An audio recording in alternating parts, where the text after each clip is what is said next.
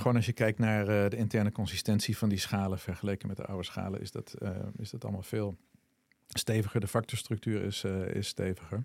Mhm. En je hebt minder overlap, zowel qua items als ook ja, met dat, die, dat die gemeenschappelijke component eruit gehaald is. Dus je krijgt een, een meer specifiek beeld, wat niet alleen maar op en neer gaat met de ernst. Welkom bij de Pearson Podcast. In deze podcast nemen we je mee in de wereld van diagnostiek en behandeling binnen de geestelijke gezondheidszorg. Ik ben Meerte Wildenbeest, psycholoog en productadviseur bij Pearson en ik interview professionals uit het werkveld om antwoord te geven op vele brandende vragen.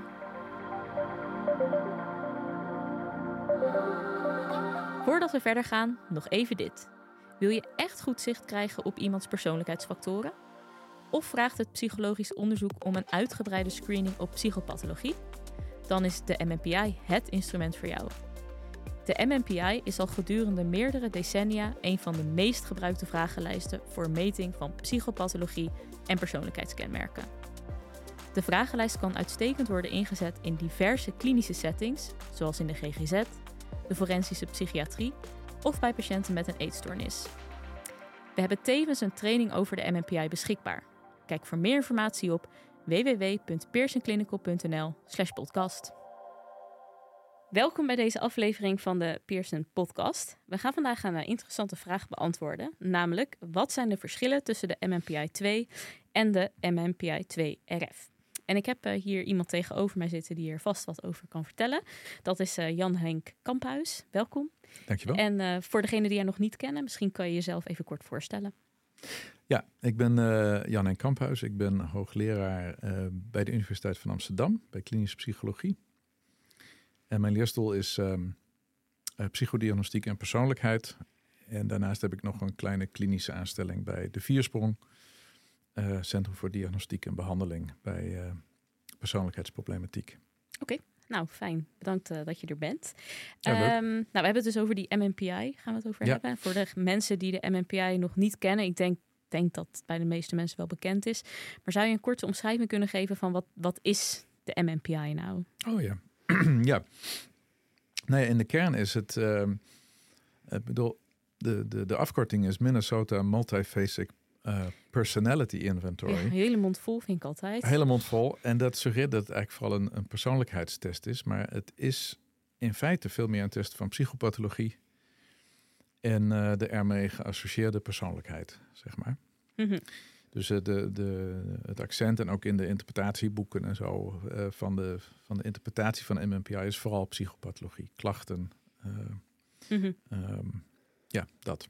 Oké, okay, want, want eigenlijk um, um, vroeger dacht ik wel eens van persoonlijkheidsonderzoek, MMPI, dat werd vaak in één adem genoemd. Maar eigenlijk ja. is het dus instrument breder dan alleen ja, heel nadrukkelijk. En ja. er zijn een aantal uh, schalen, zowel op de MMPI 2 als de, de uh, RF, um, die heel specifiek over persoonlijkheid gaan, de, de Psi 5. Mm -hmm. Maar de rest is vooral een, een, uh, ja, een, een, een, blend of, een, of vooral op klachten eigenlijk georiënteerd. Oké, okay.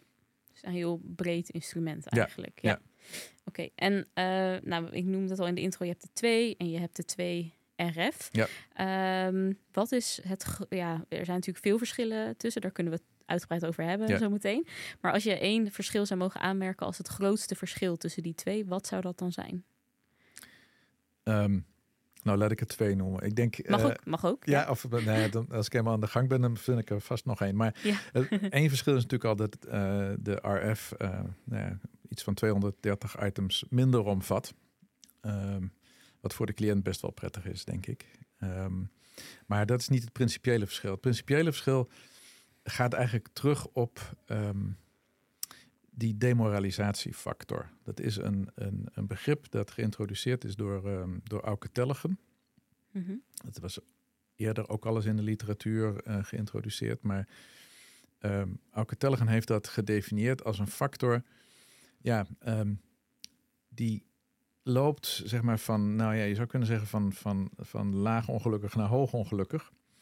Um, en, en eigenlijk is het, een, het is een, feitelijk een iets ingewikkeldere factor waarin Mhm. Demoralisatie beschrijft een staat van lage positieve emotionaliteit. Dus weinig plezier, weinig eh, ja, eh, enthousiasme enzovoort. En hoge negatieve emotionaliteit. Dus het, is, hè, het, is, het, het pakt eh, veel, veel spanning, misschien boosheid enzovoort. Mhm. Maar het is eigenlijk een, een dimensie van ongelukkig zijn, zullen we maar zeggen. En Tellegen die dacht na over ehm, de klinische schalen, zoals die bestonden bij de eh, MMPI 2. Ja. Die zijn allemaal, zoals dat heet, empirisch statistisch eh, geconstrueerd. Dus daar werden mensen met een bepaalde diagnostische groep, werden dezelfde items afgenomen, hele grote groep items afgenomen, eh, als bij eh, quote-unquote normalen. En die items die statistisch differentieerden, die werden dan onderdeel van de schaal die de naam van de diagnostische groep had. Dus met andere Ja. woorden, als je, je, vergeleek zeg maar depressieve eh, patiënten, mensen die gediagnosticeerd waren door experts, zullen we maar zeggen, eh, die- depressief waren, die gaf je een heleboel items. En die vergeleek je met mensen zonder diagnoses. En welke items zijn dan onderscheidend? Dus de items waarop de depressieve groep anders Precies. scoorde dan de niet Of het nou meer of minder is als het maar Ja. anders was. Oké. En dus daar gaan dingen op zitten als eh, ik voel me vaak eh, eh, ongelukkig. Nou, dat gaan depressieve mensen vaker ja op zeggen dan niet-depressieve mensen. Ja. Maar ook dingen als ehm, ik heb moeite met concentreren. Ik noem maar eens. dat, zo, zulke items zullen ook onderscheidend zijn waarschijnlijk. Maar als, er, als, als een item wat geloof ik inderdaad eh, een, een, eh, een item van de MMPI was. Ik hou van tijdschriften over techniek. Als dat anders zou worden beantwoord, eh, qua frequentie, anders zou worden eh, beantwoord door depressieven dan normale, wordt het ook een item. En dat heeft allerlei consequenties. Dat betekent, Ja. ja, Ik zou eigenlijk denken, wat, wat, heeft, wat heeft het er nou mee te maken? precies. ja. Ja, maar dat is ja, eh, dat, dat, dat, dat paste in het licht van de doelstelling toen van die MMPI 2. Men wou eigenlijk op een soort probabilistische manier diagnoses proberen te stellen op basis van testresultaten. Mhm. En dus ja, eh, de enige wat, wat zo'n schaalverhoging zegt van je lijkt op mensen qua antwoordpatroon die depressief zijn. Maar dat Eh, betekent niet dat je een depressieve eh, stoornis hebt. Nee, dat was de Nee. hoop wel. Want dat was, het is allemaal ontwikkeld in de, in de tijd dat, dat eh, psychiatrische diagnostiek vreselijk onbetrouwbaar was. En dit was dan ja, bijna een soort uh, vergelijkbaar met een skit, zeg maar. Maar dan uh, niet in interviewvorm, maar een zelf, self-report. Mhm. Een manier om uh, ja, mensen tot differentiaaldiagnostiek te komen. Maar dat, we, dat heeft dus niet gewerkt. Nee. En er is ook allerlei redenen waarom dat eigenlijk ook niet kan werken en zo. Maar die, die methode van schaalconstructie betekent wel dat je heel hoge uh, correlaties krijgt tussen schalen. Want bijvoorbeeld dat item, ik kan me niet concentreren, dat geldt ook voor mensen met uh, schizofrenie. Dat geldt voor mensen met, met ADHD-problematiek. Dus dat gaat uh, heel erg die discriminante validiteit tussen die schalen uh, verslechteren eigenlijk. En dat zag je Mhm. ook met hele hoge correlaties in, in normtabellen en zo. En Tellegen dacht van ja, wat in ieder geval die schalen allemaal met elkaar gemeen hebben, in meer of mindere mate, is dat dat gaat over mensen die toen de tijd, in de allereerste MMPI, uh, waren opgenomen in het ziekenhuis in, in, in uh, Minneapolis en zo. Geloof ik. En um, uh, ja, die in meer of mindere mate allemaal ongelukkig zijn. Vastzitten, psychologische hulp nodig hebben, mm -hmm. niet, niet, niet positief over zichzelf denken. Uh, misschien hopeloos zijn, hulpeloos zijn. In meer of mindere mate was dat eigenlijk het geval voor elk van die diagnoses waar die schalen op zijn gemaakt. En dat is nou het slimme van die uh, geherstructureerde schalen. Uh, die in de RF zitten. Die dan. in de RF ja. zitten. Tellegen zei van laten we nou die factor eruit halen via factoranalyses en één keer meten, want het is wel van belang om te weten of iemand gedemoraliseerd is of niet. Op zich wel, ja. Maar dan meet het dan één keer apart en kijken of er in die klinische schalen ook nog een specifieke kern zit die hoort bij die diagnostische groep. Mm Mhm. En dat was een, uh, een, dus een heel mooi, uh, zeg maar, technisch gedaan. In de zin van dat dat een open vraag was. Het kon ook zijn dat er helemaal geen kern was. Dat het alleen maar demoralisatie was, uh, bij wijze van spreken. Maar dat, in de praktijk is dat eigenlijk heel, um, heel mooi uitgepakt. En dat zijn de um, geherstructureerde klinische schalen geworden. Dus je hebt één schaal demoralisatie en dan zoveel mogelijk demoralisatievrij, de pure kerndimensies van de klinische schalen. Hmm. Dat zijn de geherstructureerde schalen. Okay. Um, En dat was de kern. Dat was zeg maar eh, de, het, het startpunt, het startniveau van die MMPI-RF. en vervolgens is men gaan nadenken van hoe combineren die schalen zich op een hoger niveau? Is er een hogere factororde? Is er een hogere structuur mogelijk? Is die, is die betekenisvol? Maar ook naar beneden. In hoeverre kan je nog specifieker symptoomgroepen, symptoomdimensies onderscheiden. En dat zijn die speciale uh, uh, special problem skills. Ja, specifiek, specifieke probleemschalen. Ja, specifieke ja, probleemschalen, ja. Okay. En dus het is een hiërarchisch model. Mm -hmm. um, eh, waarbij je uh, ja, psychometrisch eigenlijk grote voordeel hebt van dat die klinische schalen meer um, specifiek zijn, meer, uh, minder met elkaar samenhangen, minder met elkaar op en neer gaan. Mm -hmm. En dat zie je ook heel erg in die profielen. Als je die oude MMPI, de MMPI 2 had, dan zag je als het maar ernstig genoeg werd, daar heb ik zelf ook onderzoek naar gedaan, als het maar ernstig genoeg werd, ja, dan kwam bijna alle schalen kwamen dan vreselijk omhoog. Uh, vanwege die demoralisatie ook, die ze allemaal met elkaar gemeen hadden. Want dat zit gewoon uh, doorgeweven eigenlijk in alle, ja. alle schalen. Ja, komt die en, en de ene wat meer dan de andere. En de, in de depressie mm. had er wel heel veel demoralisatie. En bij de uh, psychopathische deviatieschaal, schaal 4 moet je eigenlijk zeggen, wat minder. Ja. Um, maar in meer of mindere mate hadden ze dat allemaal. En dus dat was er dan uitgefilterd. Um, maar ja, dan, dan bleek dat als je omhoog gaat, dan heb je uh, een, een, cluster uh, emotioneel internaliserende stoornissen, een cluster externaliserende stoornissen, gedragsstoornissen, zeg maar, en een cluster uh, denkstoornissen. Wat heel erg mooi aansluit op eigenlijk alle modellen die we nu hebben, onder andere high-top, maar mm -hmm. het zijn wel meer modellen, um, van de, zeg maar, de fundamentele structuur van, van psychopathologie. Ja. En daarna beneden nog wat, ja, wat specifiekere symptoomthermometers eigenlijk. Die, onder die uh, uh, geherstructureerde schalen, schalen weer vallen. Ja, ja, ja. Zou je dan eigenlijk gewoon kunnen stellen dat, um, ja, dat heb ik dan ook gehoord, maar dat destilleer ik misschien ook een beetje uit jouw, verhaal, jouw verhaal, dat die MMPI 2RF, dat die psychometrisch dus die zin beter in elkaar zit, omdat die wat zuiverder uh, die schalen meet. Ja, ik denk on ontegenzeggelijk eigenlijk. Ja. Omdat ook gewoon als je kijkt naar uh, de interne consistentie van die schalen vergeleken met de oude schalen, is dat, uh, is dat allemaal veel steviger. De factorstructuur is, uh, is steviger. Mm -hmm. En je hebt minder overlap, uh, zowel qua items uh, als ook ja, met dat, die, dat die gemeenschappelijke component eruit gehaald is. dus je krijgt een, een meer specifiek beeld, wat niet alleen maar op en neer gaat met de ernst. Nee. Want eigenlijk bij die MMPI 2, ja, op het laatst als je echt alle hulpschalen die er zijn uh, bekeek, tot en met de content component schalen en zo, dan had je iets van, ik weet niet, eerst voorbij de 150 schalen die je zou kunnen bekijken om, om maar zo precies mogelijk te krijgen wat die klinische schalen zeiden. Ja. Maar dat was echt wel heel erg, uh, ja, een beetje um, noodgrepen, zeg maar, om die, om die psychometrische um, ja, vaagte uh, te lijf te gaan. Terwijl ja, in, in de RF is dat gewoon, wordt dat voor je gedaan. Zeg maar. Mm -hmm. En um, ja, gebruik jij in de praktijk nu, hè, gebruik jij wat vaker de MMPI 2 of juist de 2RF? Of misschien gebruik je ze allebei nog wel, maar verschilt het per casus wat je waarvoor gebruikt? Uh, nee, als het, als het aan mij is, gebruik ik gewoon de ja. RF. Um, uh, want ik, ik kan niet echt een goed uh, voordeel noemen van de MMPI 2. Zeg maar. Je zou kunnen zeggen, daar is veel meer onderzoek naar gedaan en dat is op zichzelf waar. Maar ja, elk, dat, elk van die onderzoeken, um, die, die hebben dus te kampen met die psychometrische eigenschappen van het instrument. En, mm -hmm. en daar mhm. blijft het dus, daar, daar blijf je mee modderen eigenlijk. Uh, maar uh, ja, ik geef aardig wat supervisie. Als een instelling nog uh, met de MMPI 2 werkt, dan werk ik met de MMPI 2. Mm -hmm. En mhm. dat is ook best goh, een prettig nostalgische uh, ja. ervaring.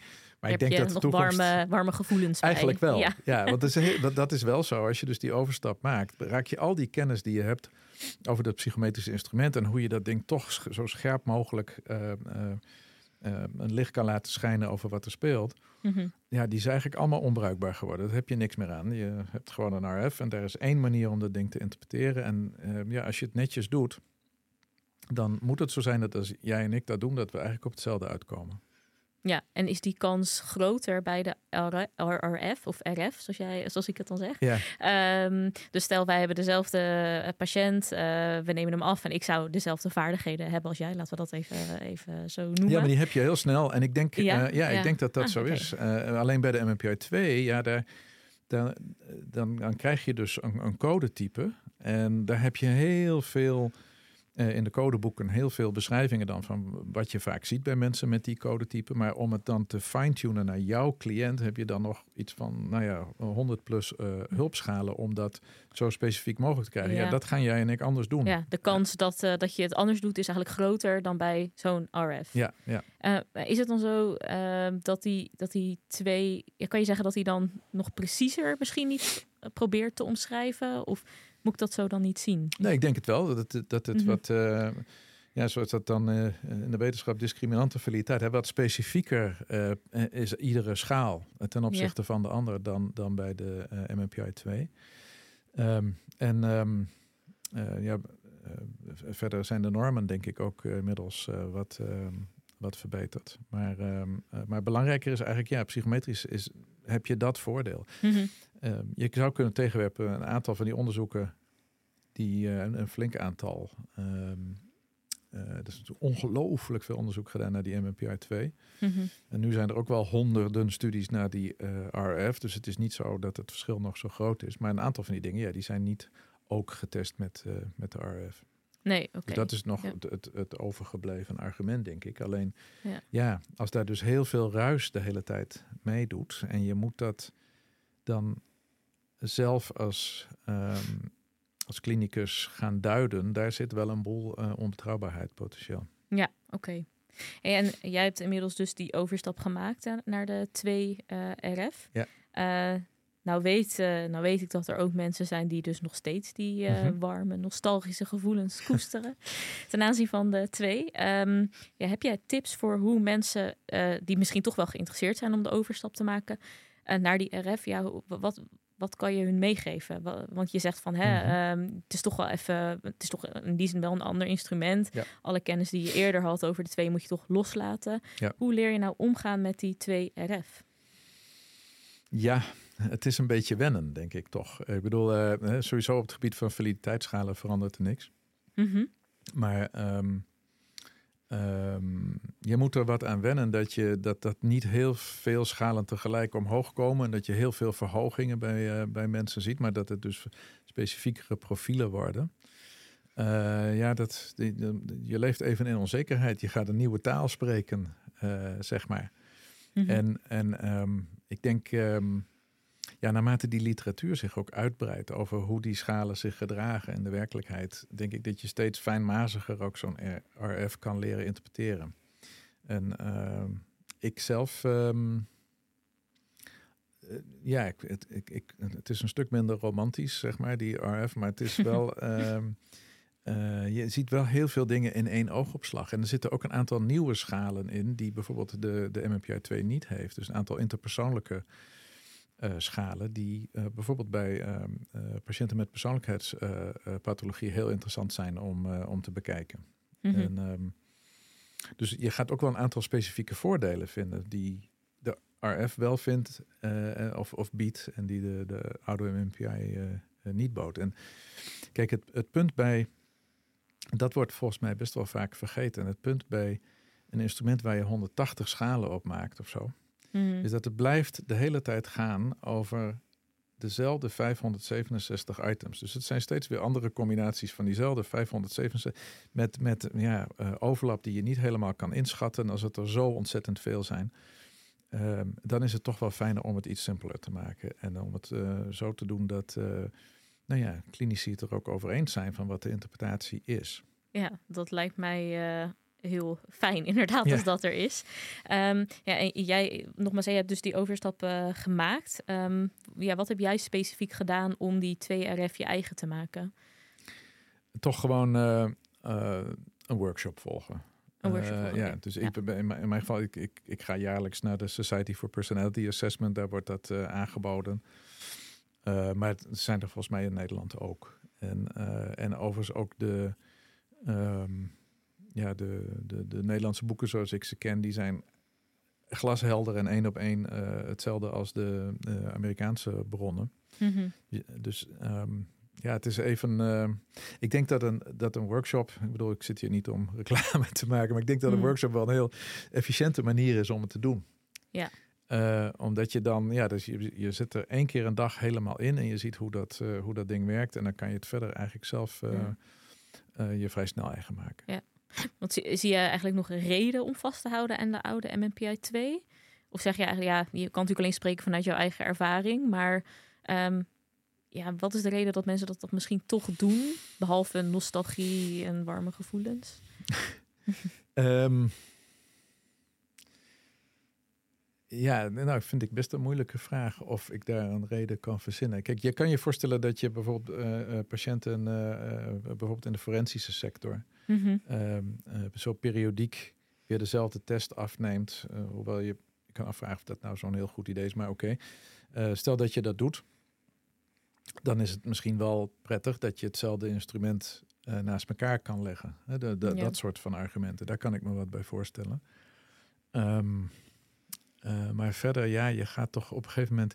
Ik denk wel echt dat als het gaat om validiteit, de RF een kwaliteitsslag is ten opzichte van de eh, MMPI 2. En als Ja. dat zo is, ja, je kunt ook wel met de DSM-3 blijven werken als we bij de DSM-5 zitten. Ehm, hoewel daar misschien nog wel meer voor te zeggen is dan de MMPI 2. maar goed, ehm, eh, ik denk dat het dan toch handig is om mee te gaan met ehm, eh, zeg maar de, de stand van het onderzoek.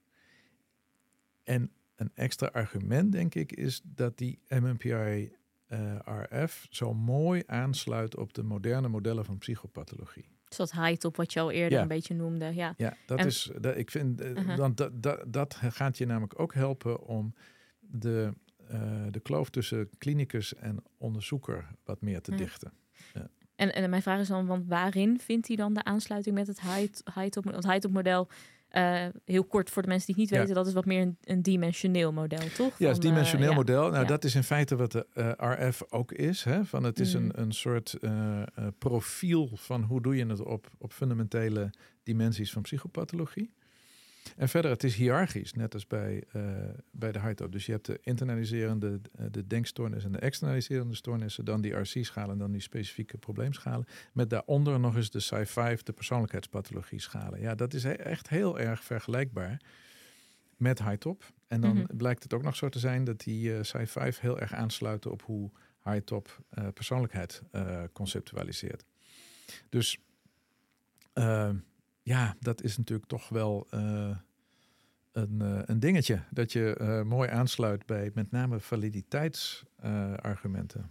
Ja, ja. en ehm, dat high-top model, dat is ook iets waarvan je zegt van ja, dat is eigenlijk een beetje de toekomst misschien van hoe we psychodiagnostiek of psychopathologie gaan benaderen. Zou ja, met name dat laatste, denk ik. Ja. Dat, ja, dat is nu wel een beetje de stand. Eh, en en ik bedoel, net als ieder model, je hoopt dat dat zich blijft eh, evolueren. Natuurlijk, ja. ja Maar ja, dit ja. is wel, ja, denk ik, samen met die RDOC-criteria het meest evidence-based, denk ik. Ja, en eh, als we ook even vooruitblikken, hè, want jij noemde eh, al eerder toen we elkaar even spraken, het staat niet op de podcast trouwens, maar Ja. eh, dat, we hadden het over die MMPI 3, dus de Ja. nieuwe versie die eigenlijk al in Amerika al een tijdje wordt gebruikt. Nou, die komt binnenkort, of tenminste komend jaar ergens in, in Nederland natuurlijk ook uit. Ehm, ja, lijkt de RF, 2RF, lijkt die ook op de 3 of, ga, of gaat de 3 meer, voor, meer door op de 2? Nee, nee, nee, die gaat verder op de, op de R- RF. ja. En er, gaan de, eh, er komen vijf schalen bij, er gaan vijf schalen af. En, en, en van sommige eh, schalen eh, wordt de, worden de items wat aangescherpt of toegevoegd. Dat de schaal iets, iets langer en iets beter consistent wordt. Mhm. Maar, maar dat is echt heel erg een incrementele stap. Dat is niet zo'n principiële stap dat je echt de demoralisatie eruit filtert en dan opnieuw begint. Mhm. Ehm, maar meer van, eh, nou, als we nu die RF hebben, hoe kunnen we hem nog beter maken? Nog beter maken, ja. Ze hebben ook echt gekeken van welke delen van psychopathologie zijn nog niet goed gerepresenteerd geweest in de itempool van de, van de RF. En dat hebben ze toegevoegd. Dus bijvoorbeeld een, een narcisme-schaal, een eetstoornissen-schaal, dat soort dingen eh, is erbij gekomen. Oké. Nou, ik denk, eh, want volgens mij is het, is het tijd. Ik denk dat het nut van de 2RF wel, Of tenminste dat je dat goed hebt, dat je dat hebt benadrukt. Dus uh, bedankt daarvoor. En um, ja, ik hoop dat de luisteraars het ook een interessante aflevering vonden. Maar ik hoop het denk, ook. Uh, denk het wel. Gedaan. Ja, bedankt. Vond je dit een interessante podcast? Volg dan ons kanaal zodat je op de hoogte blijft van nieuwe afleveringen. En deel de podcast gerust met je collega's als je hem interessant vond. Wil je een vraag insturen of jouw feedback met ons delen? Dan kan dat via pearsonclinical.nl/slash podcast. Daarnaast hebben we ook een speciale actie voor onze podcastluisteraars. En deze is te vinden op dezelfde site, dus pearsonclinical.nl/slash podcast. Tot de volgende keer.